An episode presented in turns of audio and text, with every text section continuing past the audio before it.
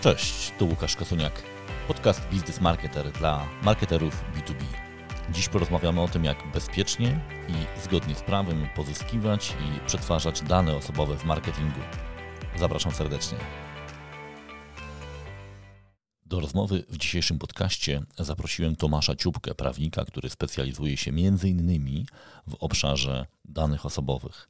I specjalizuje się to jest dobre słowo, bo Tomek pracuje z wiodącymi firmami, które w zasadzie żyją z przetwarzania danych, więc przypadków, kiedy musiał się y, kontaktować z różnymi urzędami, musiał pisać różne interpretacje, procedury, dyskutować na temat obowiązującego prawa było bardzo dużo. Tomek ma ogromne doświadczenie i po kilku rozmowach z Tomkiem uznałem, że dobrze byłoby, żeby uporządkować kwestie przetwarzania, przechowywania i wykorzystywania danych osobowych w marketingu, ponieważ mimo, że od wejścia w życie RODO minęło już ładnych parę lat, to ciągle jeszcze wiele firm i niestety wielu też doradców traktuje ten temat bardzo po macoszemu, to znaczy próbuje namawiać klientów do działań bardzo ryzykownych. Ważne też jest to, że RODO to nie jest jedyna regulacja, jedyny przepis, jaki musimy brać pod uwagę, przechowując, pozyskując, wykorzystując dane osobowe. Tomek bardzo fajnie to rozbił na trzy części, bo w zasadzie są trzy takie akty prawne, które w zasadzie dotyczą każdej firmy. Oczywiście są jeszcze różne przepisy szczegółowe. Tutaj nie będziemy wchodzili, bo to zależy od branży, ale zachęcam Cię do posłuchania tego odcinka, ponieważ yy, moim zdaniem Tomek świetnie uporządkował te kwestie. Niepotrzebnie nie straszył nikogo, ale też staraliśmy się, żeby y, ten odcinek wybrzmiał w taki sposób, żeby to była możliwie najbezpieczniejsza porada, jaką można uzyskać, no, nie wchodząc w indywidualne interpretacje. Ja sam, mimo że jestem prawnikiem i trochę rozumiem tą, ten obszar, y, mam takie wrażenie, że bardziej sobie to wszystko uporządkowałem i jestem w stanie w sposób taki bardziej mm, skuteczny rozmawiać w ten sposób y, z klientami na temat kwestii danych osobowych. Dziś w naszym podcaście i gość Tomasz Ciupka. Cześć Tomek. Cześć Łukaszu. Tomasz jest specjalistą y, y, prawa, które myślę, że Was bardzo zainteresuje, ponieważ zajmuje się zagadnieniami ochrony danych osobowych, ochrony prywatności, ale myślę, że najlepiej i najprecyzyjniej Tomek przedstawi się sam. Dzień dobry Państwu. E, Tomasz Ciupka, jestem radcą prawnym, partnerem kancelarii LT e, LO Ciupka Stachurski. E, kancelaria zajmuje się przede wszystkim nowymi technologiami, prawem nowych technologii, wsparciem startupów, wsparciem firm technologicznych. Ja jestem specjalistą prawa pracy. Zajmuję się również kwestiami ochrony danych osobowych, szeroko pojętego compliance i obowiązków e, regulacyjnych e, dla firm, które zajmują się technologiami e, czy szeroko pojętą branżą startupów. I właśnie to słowo startup, nowa firma to będzie dzisiaj taki leitmotiv naszego, naszej rozmowy, ponieważ poprosiłem Tomka, żeby podzielił się swoją wiedzą na temat tego, w jaki sposób właśnie nowe firmy, firmy, które dopiero na rynek wchodzą albo wchodzą na nowy rynek, na którym jeszcze nie były, na przykład na, na, na polski rynek, powinny radzić sobie z danymi osobowymi, nie tylko z danymi osobowymi, ale głównie o tym dziś będziemy rozmawiali, ponieważ digitalizacja dopadła w cudzysłowie nas wszystkich, nawet firmy tradycyjne B2B, które do tej pory gdzieś tam omijały pozyskiwanie, przechowywanie danych, albo wydawało nam się, że te firmy tak naprawdę nie pozyskują i nie przechowują danych, to postaramy sobie y, się dziś trochę tą wiedzę uporządkować, ponieważ y, większość z nas myśli o tym, że tylko RODO to jest coś, czym się powinniśmy przejmować, okazuje się, że ten zestaw norm prawnych jest trochę szerszy. I może Tomek od tego zaczniemy. Y, w skrócie, gdzie, jakie przepisy regulują to, jak my możemy y, pozyskiwać, przetwarzać dane osobowe, co możemy z nimi, y, z nimi zrobić. Może zaczniemy od tego rzeczywiście najbardziej oczywistego, czyli RODO, a potem jeszcze te dodatkowe przepisy, o których rzadko myślimy, a powinniśmy. Oczywiście. RODO jest aktem prawnym, który jest o tyle istotny, że nie tylko jest głównym i podstawowym aktem prawnym, który reguluje przetwarzanie danych osobowych i to nie tylko w Polsce, bo w zasadzie każda firma, e, każdy startup, który chce e, świadczyć usługi czy sprzedawać produkty na terenie Unii Europejskiej, e, będzie musiał RODO przestrzegać, co jest bardzo istotne, bo, bo dzisiejsze firmy działają transgranicznie, więc w zasadzie przed RODO nie uciekniemy, przynajmniej nie na tym rynku to w Polsce mieć trzeba świadomość, że RODO nie jest dokumentem, który wyczerpuje tematykę ochrony danych i przetwarzania tych danych, a w szczególności e, w kontekście e, marketingu bezpośredniego. E, tu trzeba dodać jeszcze, że firmy działające w różnych branżach powinny zwrócić uwagę na przepisy branżowe, bo firmy, które na przykład chciałyby działać w branży technologii medycznych, będą miały pewne akty prawne specyficzne dla tej branży. Firmy w branży hazardowej, tytoniowej, Także i pewnie każdy przedsiębiorca, który planuje otworzyć swoją działalność, powinien się zorientować, czy w zakresie tej działalności nie ma jakichś zupełnie specyficznych przepisów charakterystycznych dla tej branży, której będzie działał. Ale ten temat może zostawmy, bo jest to temat bardzo szeroki e, i tutaj trzeba by konkretyzować pod poszczególne rodzaje działalności. Ale na pewno, jeśli możesz, e, jeśli mogę się wyłączyć, e, warto jest ten krok wykonać. To znaczy, oprócz tych ogólnych przepisów, upewniamy się, czy naszej branży nie dotyczą jakieś szczególne przepisy. No, tutaj intuicyjnie można podpowiedzieć, jeżeli przetwarzasz dane wrażliwe, medyczne, ubezpieczeniowe, właśnie związane z jakimś właśnie hazardem, nie wiem, być może handlujesz bronią, to wtedy te przepisy po prostu warto porozmawiać e, z prawnikiem, bo my dziś będziemy mówili o tych ogólnych przepisach, które dotyczą w zasadzie wszystkich firm, które działają na terenie, na terenie Polski. Tak, oczywiście e, ponieważ e, jeżeli rozmawiamy na przykład o RODO, to RODO jest aktem ogólnym, czyli aktem, który jest taką prawniczą czapką na wszelkie możliwe branże, ale jeżeli działamy w konkretnej branży, to nasze przepisy, na przykład tutaj Łukaszu wspomniałeś na przykład o działalności bankowej, czyli na przykład prawo bankowe, e, będzie regulowało kwestie na przykład przetwarzania danych także w sposób e, szczególny. W niektórych, w niektórych obszarach może nieco bardziej liberalny od ogólnych zasad RODO, w innych obszarach i to niestety częściej w sposób bardziej wymagający ale ten temat może y, zostawmy, może kiedyś zrobimy podcast o jakiejś konkretnej branży, wtedy Przejdziemy sobie po konkretnych branżach. Marzy mi się taki rzeczywiście y, taka, taka seria. Mm, skupiamy się w, w takim razie na tych przepisach ogólnych, na firmach, y, które, których dotyczą na pewno te, te przepisy i specyficznie rozmawiamy o, o, o firmach małych, wchodzących na rynek, czyli mamy Powiedziałeś y, o, o RODO, które już od kilku lat jest z nami. Trochę po tej takiej wielkiej, można powiedzieć nawet panice, yy, kurz osiadł. Wiele firm myśli, że to RODO w zasadzie nie funkcjonuje. No, yy, prawda jest taka, że przepis to jest przepis mimo, że czasami może nie być egzekwowany, to zawsze jest takie ryzyko, że on egzekwowany będzie, więc yy, myślę, że warto jest też y, o tym pamiętać, że te przepisy ciągle ciągle funkcjonują, mimo że czasami nie widzimy, że są, że są egzekwowane. Mm, co jest takim jakby najistotniejszym elementem, o którym y, w RODO musimy pamiętać, a co być może nie jest takie oczywiste dla, dla nas wszystkich, jak, jakbyś to nam tutaj przedstawił? Przede wszystkim musimy pamiętać o tym, że z RODO nie ma wyłączeń. E, jeżeli chodzi przynajmniej o prowadzenie działalności gospodarczej, no bo oczywiście w życiu prywatnym e, czy w pewnych specyficznych działach jakieś wyłączenia są, ale jeżeli już wchodzimy na rynek jako przedsiębiorcy, to nie ma znaczenia, czy zakładamy firmę, która ma mm, pierwszy przychód 1000 zł, czy pierwszy przychód milion złotych RODO będzie zawsze obowiązywało.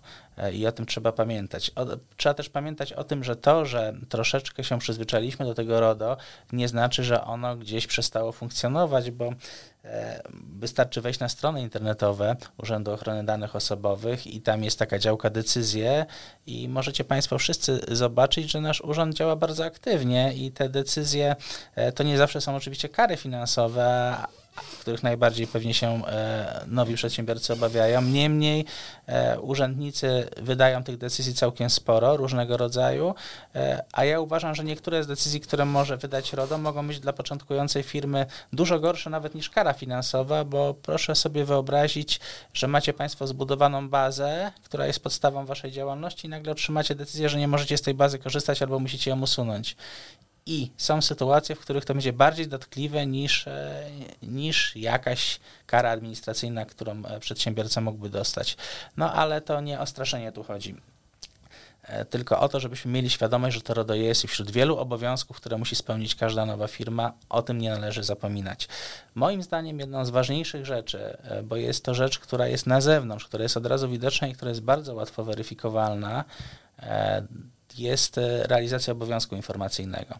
E, czyli w takim wielkim skrócie, każdy przedsiębiorca, który zaczyna działać, pozyskiwać dane, a to dotyczy także danych pracowników, współpracowników, kontrahentów, e, powinien udzielić kilku informacji osobom, których dane posiada to nie będę wszystkich ich wymieniać, ale one się sprowadzają do tego, że trzeba się przedstawić. Kim jestem, po co mi te dane, jak długo będę je przechowywać, w jaki sposób będę je przetwarzać, czy będę je przekazywać za granicę i kilku jeszcze innych. E, I to się nazywa obowiązek informacyjny. I to jest moim zdaniem jeden z ważniejszych obowiązków, bo jest to bardzo łatwe do sprawdzenia, czy my ten obowiązek realizujemy, czy nie. Oczywiście na tym się RODO nie zamyka, ponieważ są obowiązki, które już są nieco mniej widoczne, ale są bardzo ważne w przypadku jakiejkolwiek weryfikacji zgodności. To jest prowadzenie odpowiednich e, rejestrów czynności przetwarzania kategorii, to jest zawieranie odpowiednich umów. E, niektóre są ogólne i możemy zupełnie przypadkiem zrealizować ten obowiązek, na przykład umowa o zachowaniu poufności, którą często z powodów biznesowych się zawiera, która również jest jeden z wymogów RODO, e, ale są na przykład umowy bardzo charakterystyczne, typu umowa powierzenia przetwarzania danych osobowych, o której nie należy zapominać, e, jak na przykład upoważnienia, także dla pracowników do przetwarzania danych, e, jak na przykład odpowiednia kwestia zabezpieczeń. Jest tego troszeczkę. Dosyć szeroko jest to już opisane, komentowane, więc myślę, że w ramach tego podcastu nie będziemy robili wykładów na temat tego, jak wdrożyć RODO. E, niemniej pamiętać o, e, o tym trzeba. A ja chciałem jeszcze wspomnieć, bo Łukaszu powiedziałeś o e, obowiązkach innych niż RODO e, ustawowych. I rzeczywiście one się wiążą z marketingiem, e, z marketingiem bezpośrednim, który w przypadku nowo powstających firm jest rzeczą bardzo istotną, ponieważ no, każda z takich firm stara się pozyskiwać klienta e, i jeżeli tego klienta pozyskujemy na zewnątrz, prowadząc jakiekolwiek kampanie informacyjne, no to zaczynamy działać w obszarze nie tylko RODO, ale także dodatkowych przepisów, które mogą nas mocno ograniczyć albo mogą nakładać na nas dodatkowe obowiązki w tym zakresie. I jakie to są przepisy? Takie dwa akty prawne obowiązujące w Polsce, o których należy pamiętać, e, to jest ustawa o świadczeniu usług drogą elektroniczną a szczególnie jej artykuł 10, e, który stanowi o pewnych obowiązkach związanych z marketingiem e, bezpośrednim, z komunikatem marketingowym, tak zwanym niezamówionym, e, kierowanym do konkretnej osoby fizycznej. I mówiąc krótko, w takiej sytuacji wymaga, żeby taki komunikat był kierowany wyłącznie do osób, które wyraziły na to zgodę. Druga ustawa, o której powinniśmy pamiętać, to jest ustawa prawo telekomunikacyjne. I to jest taka zupełnie nieoczywista rzecz, bo tak jak gdzieś w, w powszechnej świadomości e, wydaje się, że no, prawo bankowe jest skierowane do banków, prawo farmaceutyczne do firm branży medycznej, więc prawo telekomunikacyjne pewnie dla przedsiębiorców telekomunikacyjnych. I generalnie pewnie tak jest, ale artykuł 172 e, mówi o wykorzystaniu telekomunikacyjnych e, urządzeń końcowych i automatycznych systemów wywołujących w celu mar e, marketingu bezpośredniego. I ten przepis obowiązuje wszystkich. I tutaj już zdarzało się, że z tego przepisu kary były nakładane na podmioty nie będące w ogóle związane z branżą telekomunikacyjną, ale świadczące różnego rodzaju usługi marketingowe lub zlecające takie usługi, a kary mogą tu być dotkliwe, bo sięgają 3% e, przychodu. Mhm. A w jakich, w jakich warunkach można że tak powiem, wejść pod działanie tej, tej, tej, tej ustawy, prawo telekomunikacyjne? Co ona, co ona reguluje? Jakie, jakie sytuacje? Reguluje sytuację, w której spełnić należy dwa warunki jednocześnie i to jest bardzo ważne. E, dwa warunki jednocześnie, czyli używanie telekomunikacyjnych e, e, urządzeń końcowych. Czyli telemarketing to może być, tak?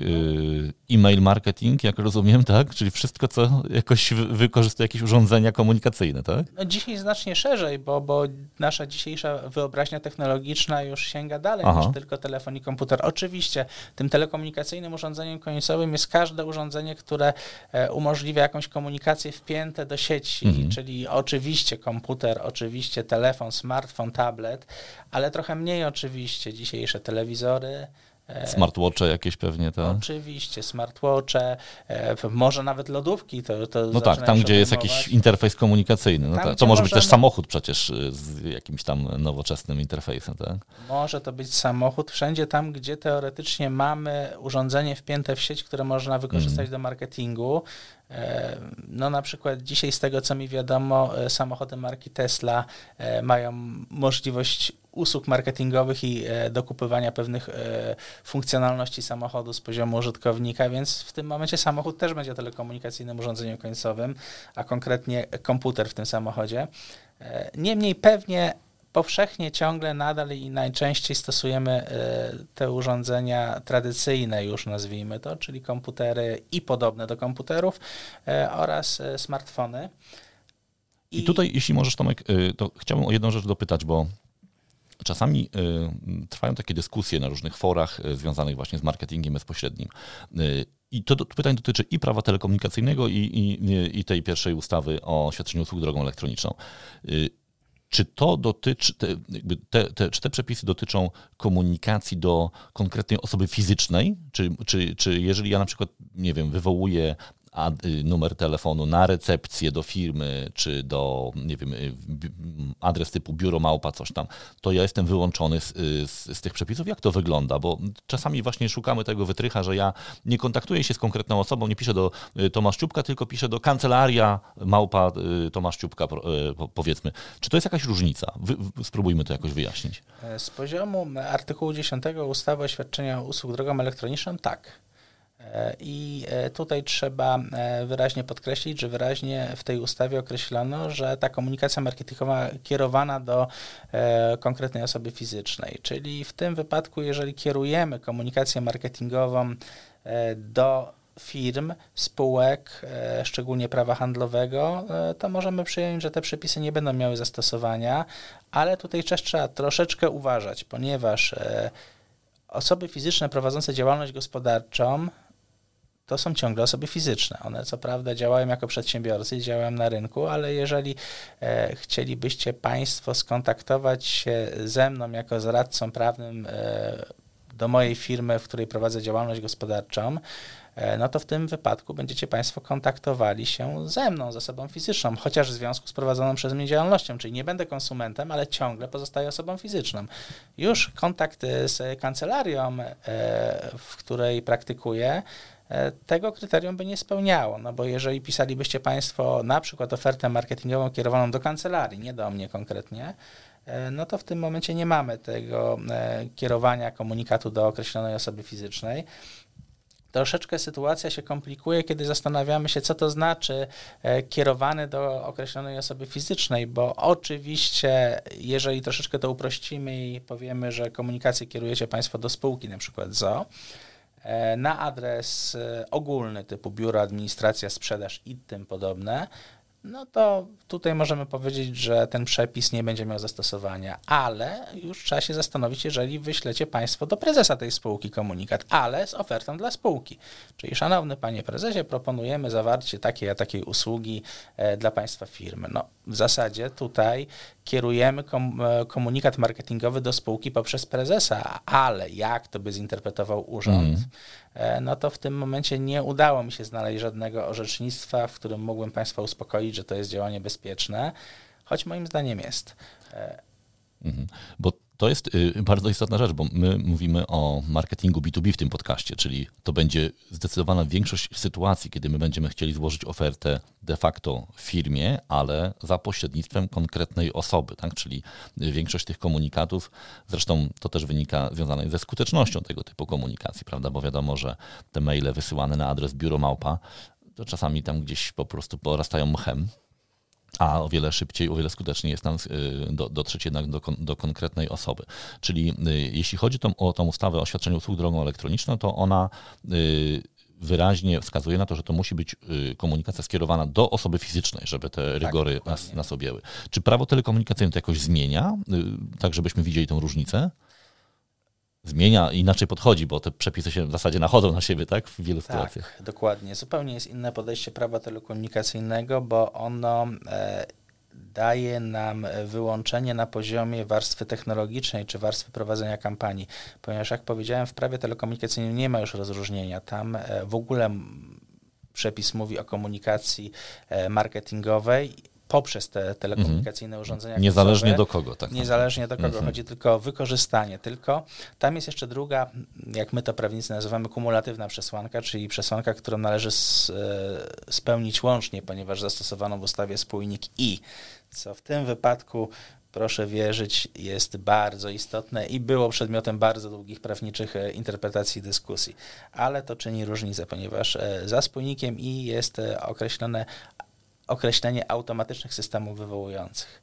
Czyli e, musimy po pierwsze mieć niezam, e, komunikat marketingowy, oczywiście bez zgody, mhm. e, kierowany przez te telekomunikacyjne urządzenia końcowe, czyli na przykład e, kampania telefoniczna.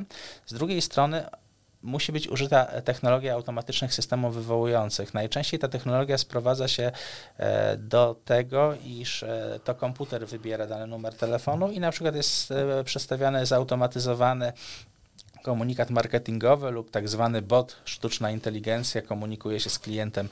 To jest istotne, bo wiele firm prowadzących kampanie dzisiaj korzysta z takich rozwiązań. Coraz rzadziej spotykamy się z takim ręcznym wybieraniem przez konsultanta numerów, gdzie moglibyśmy powiedzieć, że ten przepis nie będzie miał zastosowania, bo nie ma tej kumulatywności. No bo jeżeli posadzimy żywego człowieka, czy sami Państwo będziecie obdzwaniali, no to nie będzie tej drugiej przesłanki automatycznego systemu wywołującego w warstwie technologicznej i można powiedzieć, że e, ten przepis nie będzie miał zastosowania. Ale w momencie, kiedy zlecicie Państwo kampanię, to są dwie ważne rzeczy, o których należy pamiętać. Po pierwsze, z dotychczasowego orzecznictwa, które się zaczyna utrwalać, czyli zaczyna być powielane w kolejnych decyzjach różnych urzędów, e, wynika, że to nie ma znaczenia, e, czy daną kampanię prowadzi zewnętrzny podmiot na zlecenie administratora, nazwijmy to tak, czyli firmy, która e, taką kampanię prowadzi. E, czy sami Państwo się zdecydują taką kampanię prowadzić, bo ta odpowiedzialność administratora czy zlecającego za działania tego, komu zlecił, e, dalej będzie występowała, czyli to Państwa nie ochroni, że Państwo zlecicie kampanię, która naruszy przepisy podmiotowi trzeciemu. Druga sprawa jest taka, że te przepisy też są egzekwowane i jak już mówiłem, urząd wydaje decyzje, choć jak dotąd w dużych sprawach. Nie spotkałem się jeszcze z decyzjami dotyczącymi takich małych, startujących firm, które zrobiły kampanię do 100 czy 120 czy nawet 500 e, potencjalnych klientów, no ale były już kary dla firm, które robiły kampanię na kilkadziesiąt tysięcy rekordów e, i w tym momencie użycie tych automatycznych systemów wywołujących, czyli na przykład e, CRM-a do rozsyłania e, zdefiniowanego maila w przypadku mailowym lub e, sztucznej inteligencji do obdzwaniania, wiąże się z ryzykiem i to takim bezwzględnym. Tu nie znajdziemy żadnego wyłączenia. Musi być ta zgoda. I to jest, popatrzcie, popatrzcie, posłuchajcie, bardzo ważne, bo mamy kilka przepisów, które regulują bardzo podobne sytuacje i y, niestety zasada jest taka, że musimy y, zwracać uwagę na te, które są najbardziej y, jak to powiedzieć, najgłębiej, najbardziej szczegółowo to, to realizują. Chyba, że jakiś inny przepis to, to wyłącza, tak? Czyli jeżeli używamy jakiejś formy automatycznej komunikacji, czy to jest właśnie tak, jak Tomek powiedział, zupełnie zautomatyzowana e, działalność tele, tele, telemarketingowa, czy nawet takie automatyczne trochę wsparcie dla telemarketerów, tak? czy to, co powiedziałeś, te, te systemy, które wywołują z jakiejś bazy numery i de facto dzwonią, a po drugiej stronie jest żywa osoba, ale to już jest automatyzacja. Czy oczywiście komunikacja poprzez e-mail, czy poprzez jakieś kampanie social mediowe i tak dalej, i tak dalej, to tutaj nie tylko RODO, nie tylko ta ustawa o świadczeniu usług drogą elektroniczną, która wyłącza, która jakby dotyczy tylko działa działalności wobec osób fizycznych, ale i prawo telekomunikacyjne, które tego nie zawęża. To znaczy prawo telekomunikacyjne będzie obowiązywało, nawet jeżeli tą naszą ofertę kierujemy do firm, pod warunkiem, że używamy tych automatów, czyli z tego wyłączone są ewentualnie sytuacje takiego kontaktu jeden do jednego ze stron wiem, handlowca po konferencji na przykład i tak dalej gdzie nie ma automatu, y, wtedy tak, ale nie oszukujmy się, w działaniach marketingowych my coraz częściej szukamy tej automatyzacji, no bo to jest efektywne i wtedy musimy mieć świadomość tego, że w tym przypadku to prawo telekomunikacyjne bardzo rygorystycznie żąda od nas, żebyśmy na tą komunikację zgodę mieli. Tomek, to może porozmawiamy w takim razie o tych zgodach trochę, bo to wydaje się kluczowa rzecz, tak? Znaczy w jakiej formie i w jakich, y, kiedy to już jest zgoda, a kiedy tej, tej, tej zgody jeszcze nie ma. Oczywiście wiadomo, że tutaj będzie cała masa różnych wyjątków i tak dalej. Spróbujmy jakoś sobie te, e, te rzeczy uporządkować, a może po prostu y, spróbujmy to zrobić e, na, na jakichś przykładach.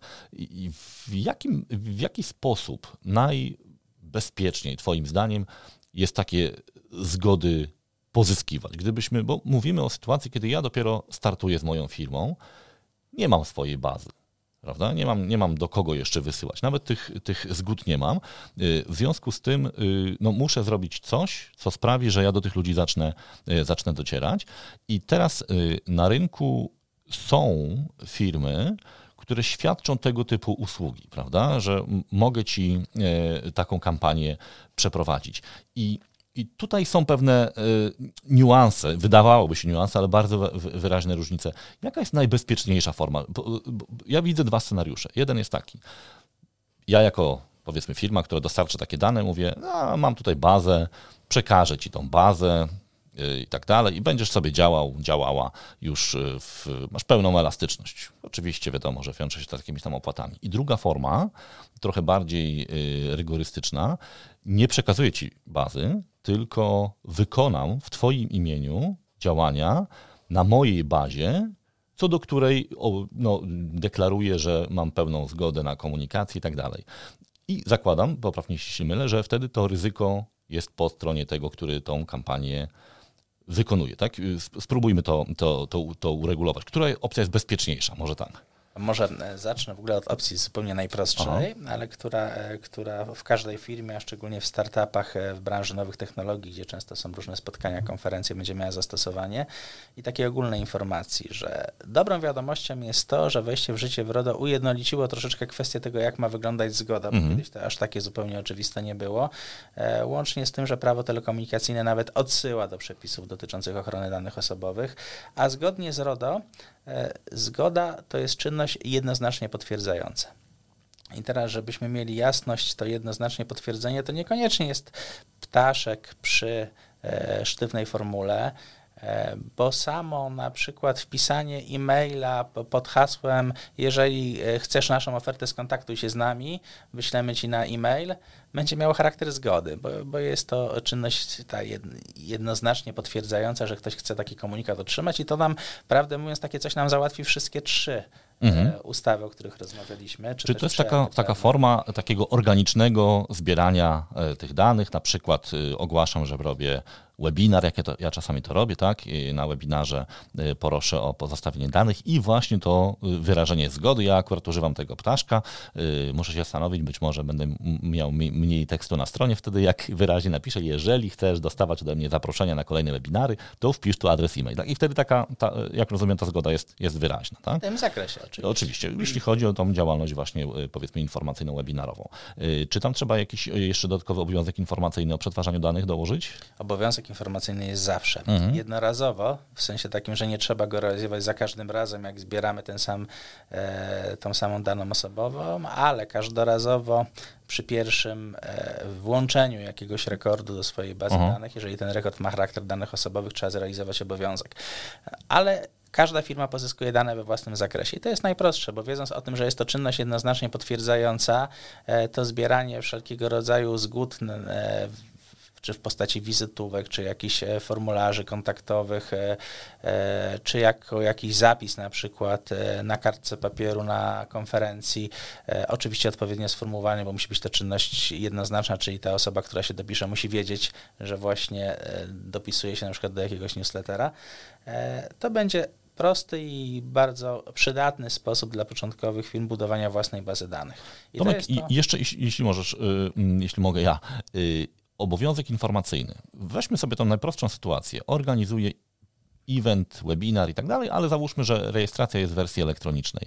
Czy ten obowiązek informacyjny powinienem wyświetlić na tej stronie, zanim ktoś tą zgodę odhaczy, ewentualnie wpisze i jednoznacznie się na to zgodzi, czy ja y, na przykład mogę w nie wiem, formie takiego autorespondera, powiedzmy ktoś się rejestruje i ja wtedy wysyłam ten obowiązek, tą, tą klauzulę tego obowiązku informacyjnego. Czy to, czy to jest jakaś różnica? Czy, trzeba na to zwrócić uwagę? Oczywiście można zrealizować obowiązek informacyjny przed e, pozyskaniem danych, ale tak to nie jest wymóg prawny. Wymogiem okay. jest prawnym, żeby najpóźniej w momencie pozyskania, przy czym e, w literaturze i jakby w praktyce przyjmuje się, e, że to w momencie to jest też w jakimś takim krótkim, rozsądnym terminie mm -hmm. pozyskania danych, czyli możemy sobie wyobrazić sytuację, że e, zbieramy na przykład w Twoim Łukaszu przypadku listę chętnych do następnego webinaru, czy do otrzymywania informacji o webinarach gdzieś na konferencji w postaci pisemnej, czyli po prostu ktoś się wpisuje długopisem albo tam swój adres e-mail i w momencie, kiedy przepisujesz to do swojej bazy danych, no to po przepisaniu do bazy danych następnego dnia przyjdzie jakiś mail z informacją dziękujemy za zapis na newsletter, realizujemy obowiązek informacyjny. To też będzie prawidłowo. E, oczywiście na formularzach na internecie jest prościej. Po prostu najlepiej zamieścić e, taką skróconą informację pod formularzem, ponieważ e, przepisy RODO przewidują coś takiego jak warstwowy obowiązek informacyjny, czyli krótka informacja, która zawiera w zasadzie cztery podstawowe dane z odesłaniem do pełnej klauzuli informacyjnej. Jeżeli ktoś jest zainteresowany, no to wtedy może sobie sięgnąć do pełnej klauzuli, e, ale bezpośrednio pod formularzem są tylko takie minimum konieczne informacji, które można w dwóch linijkach, e, może w trzech zmieścić i to, są, to jest praktyczne, to są, mhm. żeby nie robić nie wiadomo jakiej długiej listy. Te cztery podstawowe dane, to jest, y, y, co to są za informacje? Oczywiście informacje o administratorze, czyli kim czyli kto to jest tak naprawdę. E, tak. Oczywiście informacje o tym, w jakim celu, na jakiej podstawie mhm. są przetwarzane dane osobowe, bo to jest ważne, bo my musimy wiedzieć jako, jako osoby, e, które te dane powierzają, po co one są. E, raczej przyjmuje się, że powinna być informacja, jak długo te dane będą przetwarzane oraz e, podstawowa informacja o prawach przysługujących danej osobie, a przynajmniej o prawie do wycofania tych danych, jeżeli to jest zgoda, bo zgoda z definicji ma charakter dobrowolny, lub też prawie złożenia sprzeciwu na określony sposób przetwarzania tych danych. No i naturalnie to ja już nie traktuję tego jako informacji, tylko jak takie coś oczywistego, odesłanie do pełnego tekstu zgody, gdzie tych informacji musi być troszkę więcej zgodnie z przepisami, ale ten zakres tych podstawowych informacji wystarcza, żeby zrealizować tak zwaną informację warstwową i to nam bardzo ułatwia, bo też podobnie informację warstwową możemy zamieścić na przykład w kontakcie telefonicznym. E, ostatnio nasza kancelaria projektowała dla jednego z klientów taką informację z założeniem, że ma trwać nie dłużej niż 12 sekund i to bez sztucznego przyspieszenia tempa głosu i to się udało zrobić. Okej, okay, czy to nie musi 12 sekund jest osiągalne w tej informacji warstwowej. Chyba, że ktoś ma strasznie długą nazwę firmy, to wtedy może dużo tego czasu wyczerpać przez odczytywanie nazwy. E, tak więc e, tutaj z, z, tą zgodą, jak się samodzielnie pobiera, nie ma większego problemu. Problem się pojawia rzeczywiście, jak zaczynamy korzystać z zewnętrznych źródeł. E, I teraz jest kilka możliwości, bo możemy korzystać z zewnętrznych źródeł bezpośrednio, czyli sami budować sobie bazę. Na przykład wyciągając dane e, z Krajowego Rejestru Sądowego, czy z Rejestru Przedsiębiorców, czy na przykład z różnego rodzaju e, publicznie dostępnych i legalnych, bo to jest bardzo ważne, legalnych e, baz już profilowanych typu panorama firm, na przykład nie chciałbym tak. reklamować. Czy tam branżowe katalogi i tak dalej. Katalogi tak. branżowe, gdzie możemy znaleźć informacje publikowane przez tych przedsiębiorców w tych katalogach, żeby sobie swoją grupę docelową e, znaleźć i do tej grupy zrobić kampanię. E, I pozyskiwanie, budowanie własnych baz w oparciu o to powszechnie dostępne źródła jest dopuszczalne. Tak już nie robiąc e, jakby długich wywodów na ten temat, co do zasady można przyjąć, jest dopuszczalne na rynku B2B. Możemy do takich osób nawiązać kontakt, oczywiście z tym zastrzeżeniem, że one nie wyraziły nam żadnej zgody, więc musimy pamiętać o tych wszystkich rozważaniach dotyczących zgód, bo mamy legalną bazę, tylko niekoniecznie do tej bazy możemy zrobić legalny marketing. To no właśnie, to, to spróbujmy iść tym y, krokiem, no bo chcemy tu dać jakieś praktyczne porady. Powiedzmy, że spędziłem kilka, kilkanaście godzin na branżowych katalogach, mam bazę, powiedzmy, adresów e-mail do przedstawicieli firm, załóżmy IT, powiedzmy, chcę, chcę do nich wysłać informacje. To tak, przede wszystkim, jak rozumiem, obowiązek informacyjny, tak? Powinienem zrealizować, że te dane przetwarzam. W każdym przypadku, kiedy budujemy bazę, nieważne, czy to mhm. będziemy budowali bazę zbierając dane na konferencji, czy będziemy budowali bazę przez formularz kontaktowy, czy zbudujemy bazę e, z powszechnie dostępnych źródeł. Obowiązek informacyjny musimy zrealizować zawsze. E, Różnica polega na tym, że jak pobierzemy dane z zewnątrz, nie sami bezpośrednio, tylko z jakichś innych baz, no to będzie to obowiązek z artykułu 14, nie 13 RODO, ale główna różnica się sprowadza do tego, że w tym obowiązku musimy napisać, skąd wzięliśmy te dane. Okej, okay, czyli musimy napi napisać mniej więcej to, że dzień dobry, realizując obowiązek informacyjny, informuję pana, panią, że dane przetwarzam, pozyskałem je z na przykład Krajowego Rejestru y, Sądowego i jak rozumiem, y, ten obowiązek może wywołać reakcję w postaci proszę się nie odzywać do mnie więcej już, tak? Ktoś sobie powiedzmy może tego nie życzyć, więc muszę też to mieć możliwość y, zrealizowania tej, tej, tej, tej, tej, tej odmowy mm, przetwarzania danych. Tak, jest to oczywiście prawny obowiązek, on wynika wprost z RODO. Każda osoba może złożyć e, sprzeciw przeciwko określonemu sposobowi wykorzystania jej danych. Na przykład, Łukaszu, w Twoim przypadku e, ja mógłbym na przykład powiedzieć, że chcę otrzymywać od Ciebie newslettery e, z, z, z, z, informacjami o najbliższych konferencjach, ale nie chcę żadnych innych materiałów marketingowych. E, albo zgadzam się, żebyś pozostawił moje dane na przykład w celu kontaktu, ale proszę mi nie wysyłać żadnych maili. Zgadzam się tylko na, e, na, na telefon telefoniczny. To są sprzeciwy. No oczywiście jest prawo do zapomnienia, tak to się ładnie nazywa, e, czyli generalny e, obowiązek realizacji, szczególnie działających w przypadku zgód, e, iż po prostu ktoś napisze, nie życzę sobie, żeby pan, pani i państwo przechowywali w swoich zasobach moje dane. W ogóle sobie tego nie życzę. No i w tym momencie, w przypadku przynajmniej, kiedy takie dane oparte są na, na wyciągach z rejestrów publicznych lub na zgodach, to taki obowiązek trzeba zrealizować. I jest cały szereg jeszcze innych obowiązków z RODO, no ale powiedzmy, że te są takie najczęściej spotykane w praktyce w, w przypadku tworzenia takich baz. E, I tutaj musimy pamiętać, że z tą bazą nie da się zrobić wszystkiego, bo, bo, ponieważ nie ma zgód, nie mamy, nie mamy tego. E, I co do zasady, jeżeli chodzi o RODO, to oczywiście możemy się kontaktować w celach marketingowych, bo jest taka podstawa przetwarzania jak uzasadniony prawnie interes administratora. E, I tym interesem jest marketing usług własnych w E, jeszcze szczególnie w branży B2B, więc tutaj nie będzie problemu z tym, żebyśmy to mogli zrealizować, no ale musimy pamiętać o tych dwóch pozostałych aktach prawnych, e, ale da się kampanię zrobić samemu. Czyli y, znowu, żeby tak y, y, praktyczny, tak żebym ja sobie to w głowie poukładał. Zebrałem e, dane, poświęciłem czas, wysyłam informacje realizując obowiązek informacyjny. Czy ja w tym samym, w tej samej wiadomości mogę nie wiem, założyć, że jeżeli ktoś mi się nie wypisze, to już mogę wysyłać informacje marketingowe, czy powinienem na przykład, czy mogę w ogóle w tej samej wiadomości napisać, że jeżeli nie, nie, wyraża Pani zgody na, Pan, Pani zgody na komunikaty marketingowe, to proszę, tutaj jest link do wypisania się, czy to musi być dodatkowa wiadomość od tej osoby, firmy, yy, z potwierdzeniem chęci yy, otrzymywania takiej wiadomości. Tak, w praktyce, bo, no bo jest taka pokusa, żeby to załatwić za jednym zamachem i jak najmniej tam jak najmniej opcji dać do wypisania się. Wiadomo, że każdemu będzie zależało na tym, żeby ta baza jednak się nie, nie zmniejszała. No ale są pewne granice sprytu y, regulowane przez prawo i spróbujmy je nakreślić może. Łukaszu, zadałeś bardzo dobre pytanie i e, pytanie, na które nie ma łatwej i pozbawionej całkowicie ryzyka odpowiedzi. E, na pewno jedną rzecz możemy od razu zamknąć. E, po wejściu w życie przepisów RODO zniknęła możliwość e, zgód dorozumianych, e, czyli e, zgody na zasadzie jest pan w naszej bazie, będziemy robili marketing, jak pan nie chce, to proszę się wypisać, mhm. jeżeli ktoś się nigdy nie zapisywał, bo zgoda, jak już mówiłem, to musi być czynność jednoznacznie potwierdzająca, a nie potwierdzająca odmowę. Czyli tą ścieżkę i tą furtkę mamy już zamkniętą od przynajmniej 2018 roku.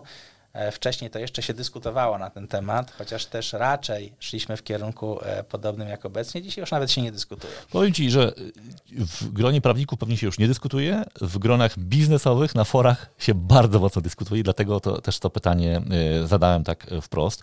Moi drodzy, pamiętajcie, RODO zmieniło to. Nie można zakładać, że jeżeli ktoś się nie wypisał, to się zapisał. On musi się zgodzić wprost na komunikację. To musi być wyraźna zgoda. Nie ma od tego żadnych wyjątków. Tak, no jeżeli mówimy oczywiście o zgodzie, bo tak, tak jak wspomniałem, RODO tak. dopuszcza e, komunikację bez zgody, to jest trochę inna podstawa, czyli na podstawie tego uzasadnionego prawnie interesu. Przynajmniej w rynku B2B z tym nie powinno być problemu.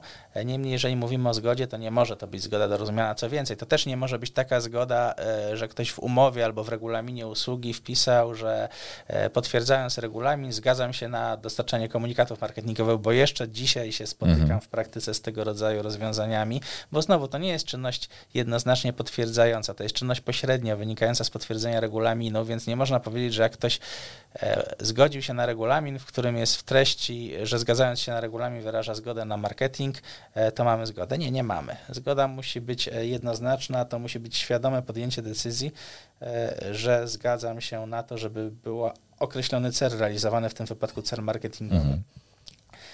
Tak więc tą opcję chciałbym zamknąć. No ale twoje pytanie było tutaj wiele... Jeszcze dwa warianty były, tak. Tak, tak. tak oczywiście wieloaspektowe. I teraz e, zastanówmy się, czy.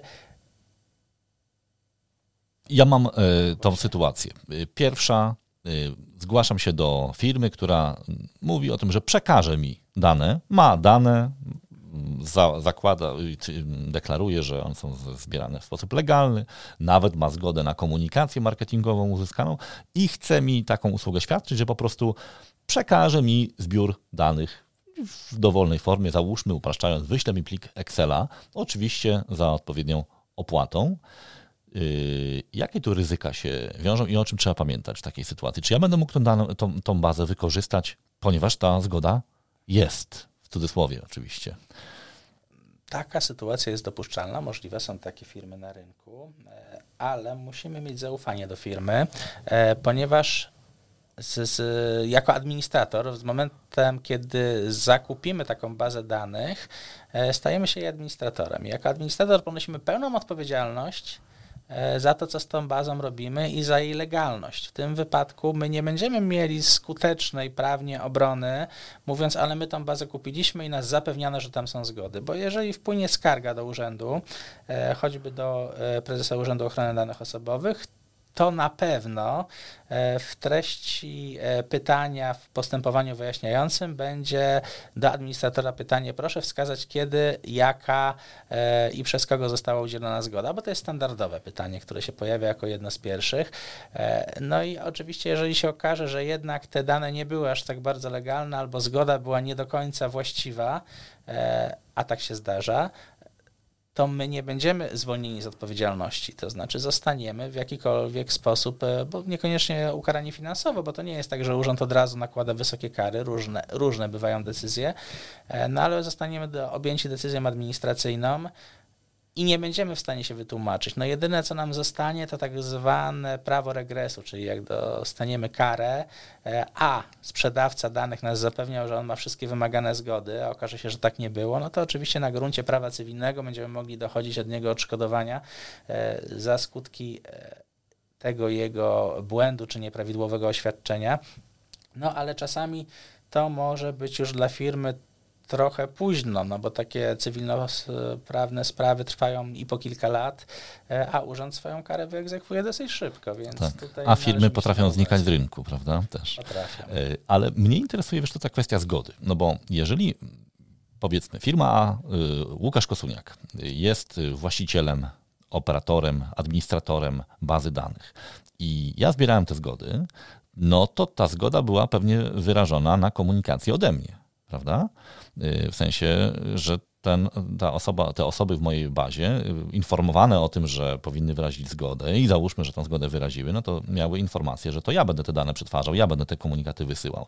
I teraz w momencie, kiedy ja tobie powiedzmy, że kupujesz ode mnie tą bazę i wysyłasz ją jako Tomasz Czubka, kancelaria i tak dalej, no to ta zgoda nie dotyczy komunikacji od ciebie. Jak to, jak to jest? No jest dokładnie tak, jak powiedziałeś, czyli e, zgoda obowiązuje w zakresie, w jakim została udzielona. To jest ważne, bo oczywiście, że można poprosić o zgodę e, i tak robią e, czasami firmy specjalizujące się w obrocie danymi osobowymi, brokerzy różnego rodzaju, na to, że będzie dana baza przekazywana innym podmiotom. Mhm. Ale to musi być wprost wyrażone. Jeżeli zebrałeś zgodę na tak zwany marketing usług własnych, i przekażesz te dane, to nawet fakt, że ty zebrałeś legalnie zgodę i ty możesz ją wykorzystywać, e, nie obroni podmiotu innego, który wykorzysta taką bazę, ponieważ przyjmuje się, że jeżeli przekraczamy e, zakres udzielonej zgody, a zakres udzielonej zgody był ograniczony, to jest to równoznaczne z wykorzystaniem danych bez podstawy prawnej. Ta zgoda nie obejmuje sytuacji e, wykorzystania jej przez inne podmioty. Więc to jest bardzo istotne, jakie dane kupujemy, bo rzeczywiście dane zebrane legalnie dla e, Łukasza Kosuniaka czy Tomasza Ciupki nie będą mogły być wykorzystane legalnie przez Jana Kowalskiego, jeżeli oczywiście taki był zakres e, zgody, więc tutaj jest ważne, a no nie zawsze jest oczywistym i łatwym analiza, czy dany zakres zgody odpowiada e, wykorzystaniu danych przez e, firmę, która kupiła, dlatego z zakupem danych osobowych wiąże się ogromne ryzyko i to nie jest rekomendowana przeze mnie e, sposób działania, no chyba, że mówimy o firmach, które mają swoje działy prawne e, lub profesjonalnych jodów, e, którzy mogą świadczyć pomoc i którzy dokonają analizy przed zakupem takich baz i potwierdzą, mając pewną określoną wiedzę, że takie bazy są legalne. Wtedy tak ale w przypadku małych wchodzących na rynek przedsiębiorców, którzy niekoniecznie są ekspertami w tym zakresie, no to zakup takiej bazy wiąże się z bardzo dużym ryzykiem. No i też z takimi powiedzmy kosztami y, związanymi z tym, że trzeba ten obowiązek informacyjny wykonać, że realizując ten obowiązek informacyjny y, de facto ryzykujemy, że wiele osób, które odtworzy tą wiadomość, przypomni sobie, że a przecież ja się z tej bazy chciałem dawno wypisać. Zresztą mieliśmy tą sytuację w RODO, prawda? Jak wchodziło RODO, kiedy wszyscy masowo te obowiązki realizowali, no i y, wszyscy odbiorcy tych wiadomości, może nie wszyscy, ale wielu, masowo się z tych różnych subskrypcji wypisywali czyszcząc bazy swoim dostawcom. Może im niektórym to nawet wyszło na, na zdrowie, że nie mają już takich, takich opasłych baz. Y, wróćmy do drugiego scenariusza, czyli sytuacji takiej, kiedy powiedzmy, że mm, ja jestem y, posiadaczem, administratorem, operatorem bazy danych i świadczę takie usługi, że mogę wysłać do mojej, do części tej bazy, powiedzmy, że interesuje Cię znowu ten rynek IT, kampanię e-mailingową, która reklamuje Twoje usługi. Załóżmy, masz usługi dla rynku IT, to chyba nawet się zgadza w dużym stopniu. Ja mam dużą bazę IT. Dogadujemy się, że za, na zasadach komercyjnych ja wyślę do mojej bazy, do części mojej bazy, powiedzmy, że trzy e-maile reklamujące usługi prawne. Czym ta, ta, ta sytuacja się różni od tej poprzedniej i czy ona jest bezpieczniejsza, na co ewentualnie trzeba zwrócić uwagę, żeby ta sytuacja była bezpieczna? Oczywiście, że jest znacznie bezpieczniejsza i to na każdej płaszczyźnie. Po pierwsze, e, odpowiedzialność e, za niezrealizowanie przepisów RODO będzie dotyczyła podmiotów, które mają dostęp do tych danych osobowych, czy to w roli administratora, czy to w roli podmiotu przetwarzającego, e, czyli tak zwanego procesora. E, jeżeli ja nie mam dostępu do danych e, w żaden sposób, ani to nie są moje dane, to nie jestem oczywiście ani administratorem, ani procesorem. E, czyli w tym momencie zupełnie czysta sytuacja z poziomu RODO. Ja zlecam kampanię firmie trzeciej, która ma własną bazę, definiuję różnego rodzaju kryteria. Niektóre z firm nawet mają specjalne CRM, gdzie ja to mogę zrobić bez kontaktu z konsultantem, tylko przez jakąś tam aplikacyjkę, ale w, tej, w tymże systemie w takim marketingowym e, CRM-ie, systemie do marketing automation, e, ja nie mam dostępu do żadnych danych, ja mam tylko dostęp do kryteriów, typu na przykład interesują mnie firmy z branży IT w województwie mazowieckim, e, które mają obroty większe niż 5 milionów złotych rocznie. Zakładam takie kryteria, ale kampanię prowadzi mi już ta firma, czy to w sposób zautomatyzowany zupełnie, czy przez konsultantów. E, w tym momencie ja otrzymuję tylko te dane, które e, były pozyskane w ramach kampanii. Do nich staje się administratorem ze wszystkimi tego konsekwencjami, ale to już są moje dane, bo zwrotnie docierają do mnie tylko informacje tych, którzy rzeczywiście chcieli je otrzymać, więc tutaj też sytuacja jest dosyć, e, dosyć prosta. E, I w tym momencie wszelkie ryzyka są po stronie prowadzącego kampanię, bo on jest administratorem. To on będzie w razie potrzeby odpowiadał na pytania, skąd wziął te dane, to on będzie się musiał tłumaczyć z treści zgody, to on będzie korespondował z urzędem i e, to on będzie odpowiadał za to, żeby te dane były prawidłowe, prawdziwe i należycie wykorzystywane. I tutaj analogiczna sytuacja będzie w odniesieniu do pozostałych przepisów, bo to nasz zleceniobiorca będzie realizował kampanię na przykład z użyciem automatycznych systemów wywołujących i to on będzie musiał zdecydować, czy dla danych danych ze swojej bazy taką kampanię może zrealizować. E, to on będzie również rozsyłać informacje do podmiotów będących na przykład osobami fizycznymi, E, i w tym momencie będzie musiał zdecydować, czy mu wolno i to on będzie w razie czego odpowiadał. Czyli my w zasadzie w tym momencie transferujemy ryzyko na ten podmiot trzeci, czyli wyspecjalizowaną agencję marketingową. Dla nowych firm na rynku jest to metoda najbezpieczniejsza, bo zwalnia nas i z analizy e, danej sytuacji i z ryzyka tym związanego. I teraz y, y, zobaczcie, bo y, to wydaje się taki niuans, prawda? Zresztą czasami niestety w komunikacji czy w opisach tych usług ciężko tą różnicę w ogóle wychwycić, bo no, nie każdy mm, dba o to, żeby to było uczciwie opisane, ale mamy dwie sytuacje. Pierwsza, kiedy ktoś mi sprzedaje de facto bazę, czyli udziela mi dostępu do niej. Ja po prostu tą bazę w takiej czy innej formie, pliku, jakiegoś systemu informatycznego widzę. Mam adresy e-mail, nazwiska, nazwy firm i tak dalej. I korzystając z takiego czy innego systemu, narzędzia, wykonuję już jako ja tą komunikację. Staję się wtedy administratorem, ciążą na mnie obowiązki informacyjne obowiązek informacyjny, ciąży na mnie też ryzyko, że ja kupiłem bazę, która nie była pozyskana w sposób legalny i wykorzystałem bazę, która nie była e, e, pozyskana w sposób legalny. W związku z tym to ja jestem tym, który to ryzyko e, ponosi. I druga sytuacja, kiedy być może nawet przy pomocy po, podobnego systemu. Pamiętajcie, że te narzędzia mogą być bardzo podobne, tylko różnica jest taka, że ja fizycznie nie widzę tych rekordów nie widzę ich, nie mam dostępu. Natomiast mogę, tak jak Tomek wspomniał, oznaczyć filtry czy kryteria. Interesują mnie firmy IT, powiedzmy branża, miejsce, województwo mazowieckie, nie wiem, wielkość powyżej 100 pracowników. Załóżmy, że takie filtry są. I teraz co się dzieje technicznie? Yy, powiedzmy, że Tomek zlecił mi taką kampanię. Czyli to ja, jako ten już nie broker, ale właśnie ten posiadacz tej, tej bazy wykonuje tą komunikację, mimo że tak naprawdę Tomek to, te filtry nałożył, yy, samodzielnie na przykład sobie zaprojektował e-mail, który tam ma być i tak dalej, i tak dalej, ale to jest tylko zlecenie. On, można powiedzieć fizycznie, przesłał mi wiadomość, którą ja mam wysłać do swoich, do części swoich kontaktów i powiedział mi ewentualnie, jakie kryteria mają, nie ewentualnie, powiedział mi konkretnie, jakie kryteria mają być spełnione, ale całe ryzyko jest po mojej stronie, bo ja nie przekazałem Tomkowi.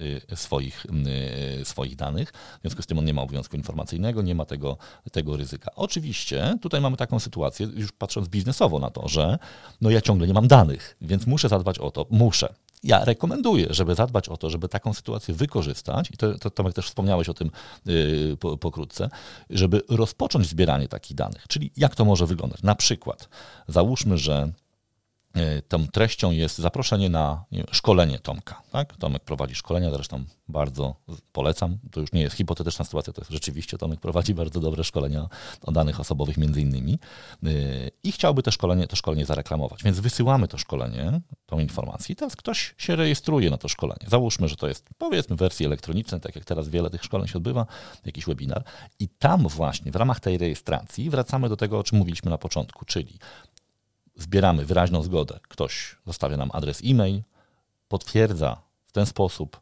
że chce otrzymywać te informacje, realizujemy obowiązek informacyjny i w ten sposób zaczynamy te dane pozyskiwać. Oczywiście to jest ten sposób organiczny i wiadomo, że y, nie zawsze y, będziemy mogli tak długo czekać, ale ta sytuacja, o której mówimy, łączy w sobie te, te dwa, dwa, dwie zalety.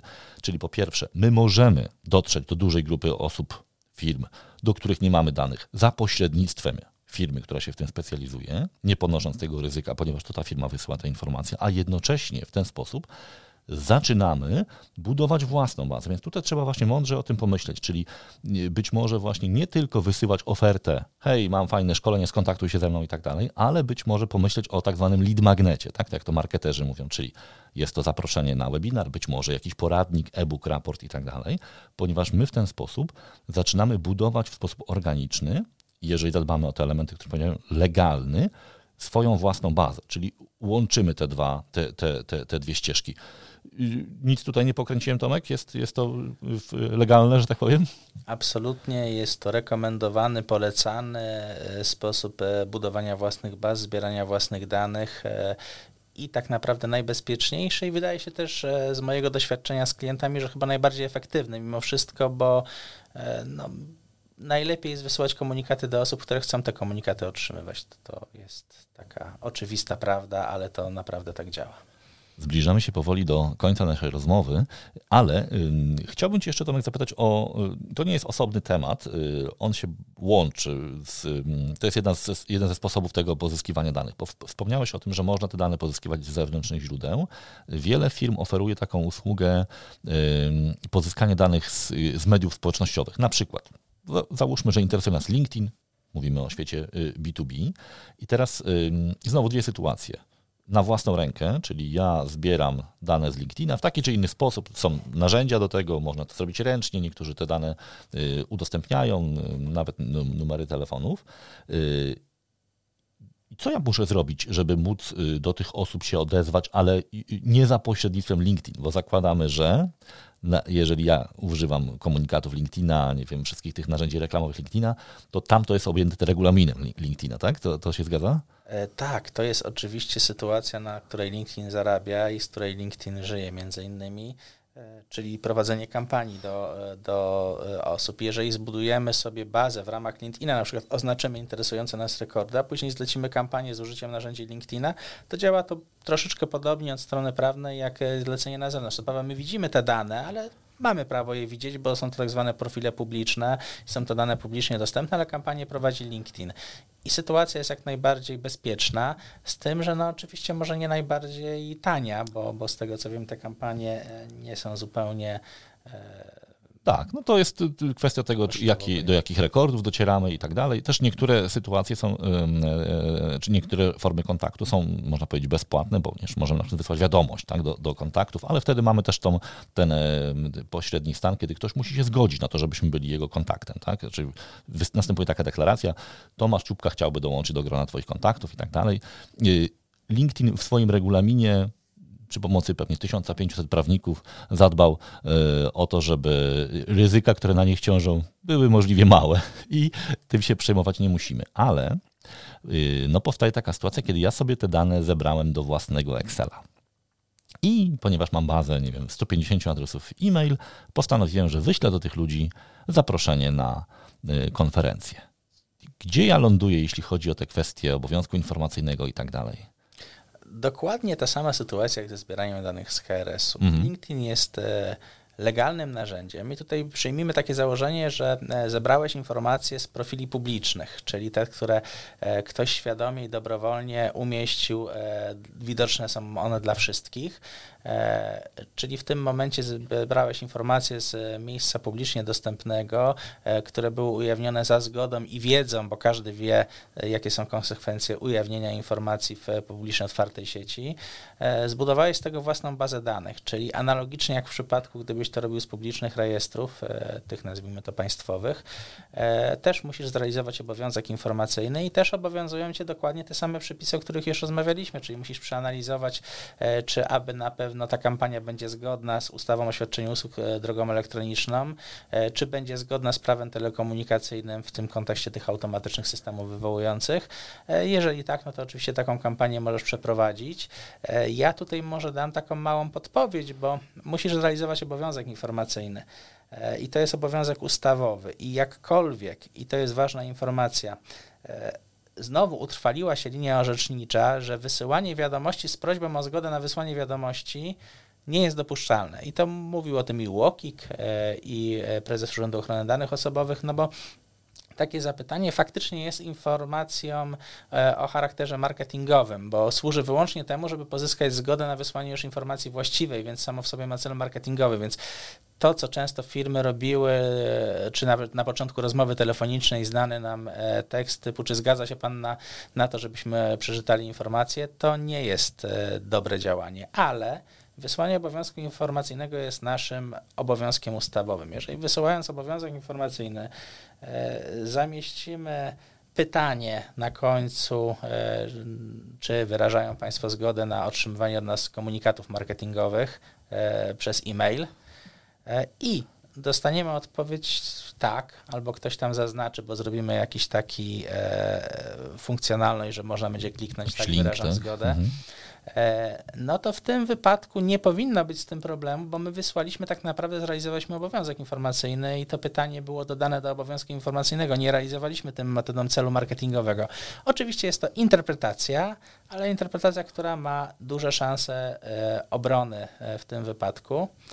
I taka mała podpowiedź dla Państwa. To rzeczywiście upraszcza e, sprawę, ale trzeba pamiętać o tym, że ta informacja musi być wyraźna, czyli musi być rzeczywiście to, to, to pytanie albo ewentualnie no, taka, takie stwierdzenie, że klikając tutaj w tym miejscu zgadza, zgadza się Pan, Pani na, na przetwarzanie danych osobowych, to rzeczywiście ja znowu jako osoba, która wykorzystuje te narzędzia marketing automation yy, podpowiem, że najlepiej właśnie jakiś e-mail marketing czy marketing automation do tego zaprząc i po prostu wprowadzić taką, taki automat to się nazywa czasem autoresponder, czyli najlepiej, jeżeli ktoś powiedzmy wypełnia taki formularz, ustawić od razu taką regułę, że jeżeli ktoś wypełni ten formularz, powiedzmy rejestrując się na webinar, to wysyłasz mu podziękowanie potwierdzenie, bo to nawet dobrze jest wysłać takie potwierdzenie, żeby ktoś był pewien, że wszystko się udało, to ta, ta rejestracja, tam informacja właśnie realizująca obowiązek informacyjny i wyraźna informacja o tym, że e, tutaj można tą zgodę, e, zgadzam się na przetwarzanie, otrzymywanie tych informacji, e,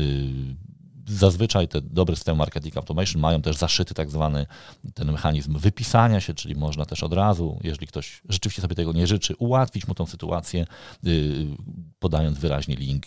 W moich newsletterach y, ten link zawsze jest Prawda jest taka, że nie potrzebujemy w swoich bazach ludzi, którzy nie chcą od nas otrzymywać informacji.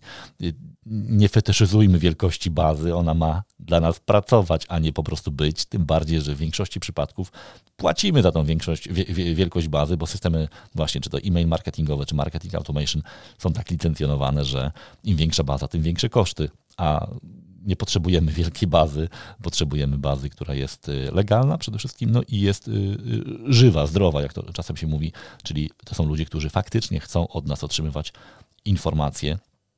I tak na koniec, już tak bardziej mm, biznesowo podpowiem, starajcie się oprócz tych ryzyk, o których, o których Tomek świetnie powiedział i bardzo Ci dziękuję Tomek za to, że tak czytelnie to, to opisałeś, bo one istnieją, nie oszukujmy się. Jeżeli budujecie biznes na lata, to nie ma co y, budować go w takim, na takim y, ruchomym piasku, który się może zaraz rozsypać, bo y, też wspomniałeś o tym, być może dużo większą karą będzie to, że my tej bazy na przykład w którymś momencie nie będziemy mogli wykorzystać. Wyobraźcie sobie, że macie wielki e-commerce, który został zbudowany na wadliwych właśnie przekonaniach o tym, że pewne dane możemy wykonywać i tak dalej. I nagle dostajecie informację o tym, że nie macie prawa wysłać żadnej informacji do.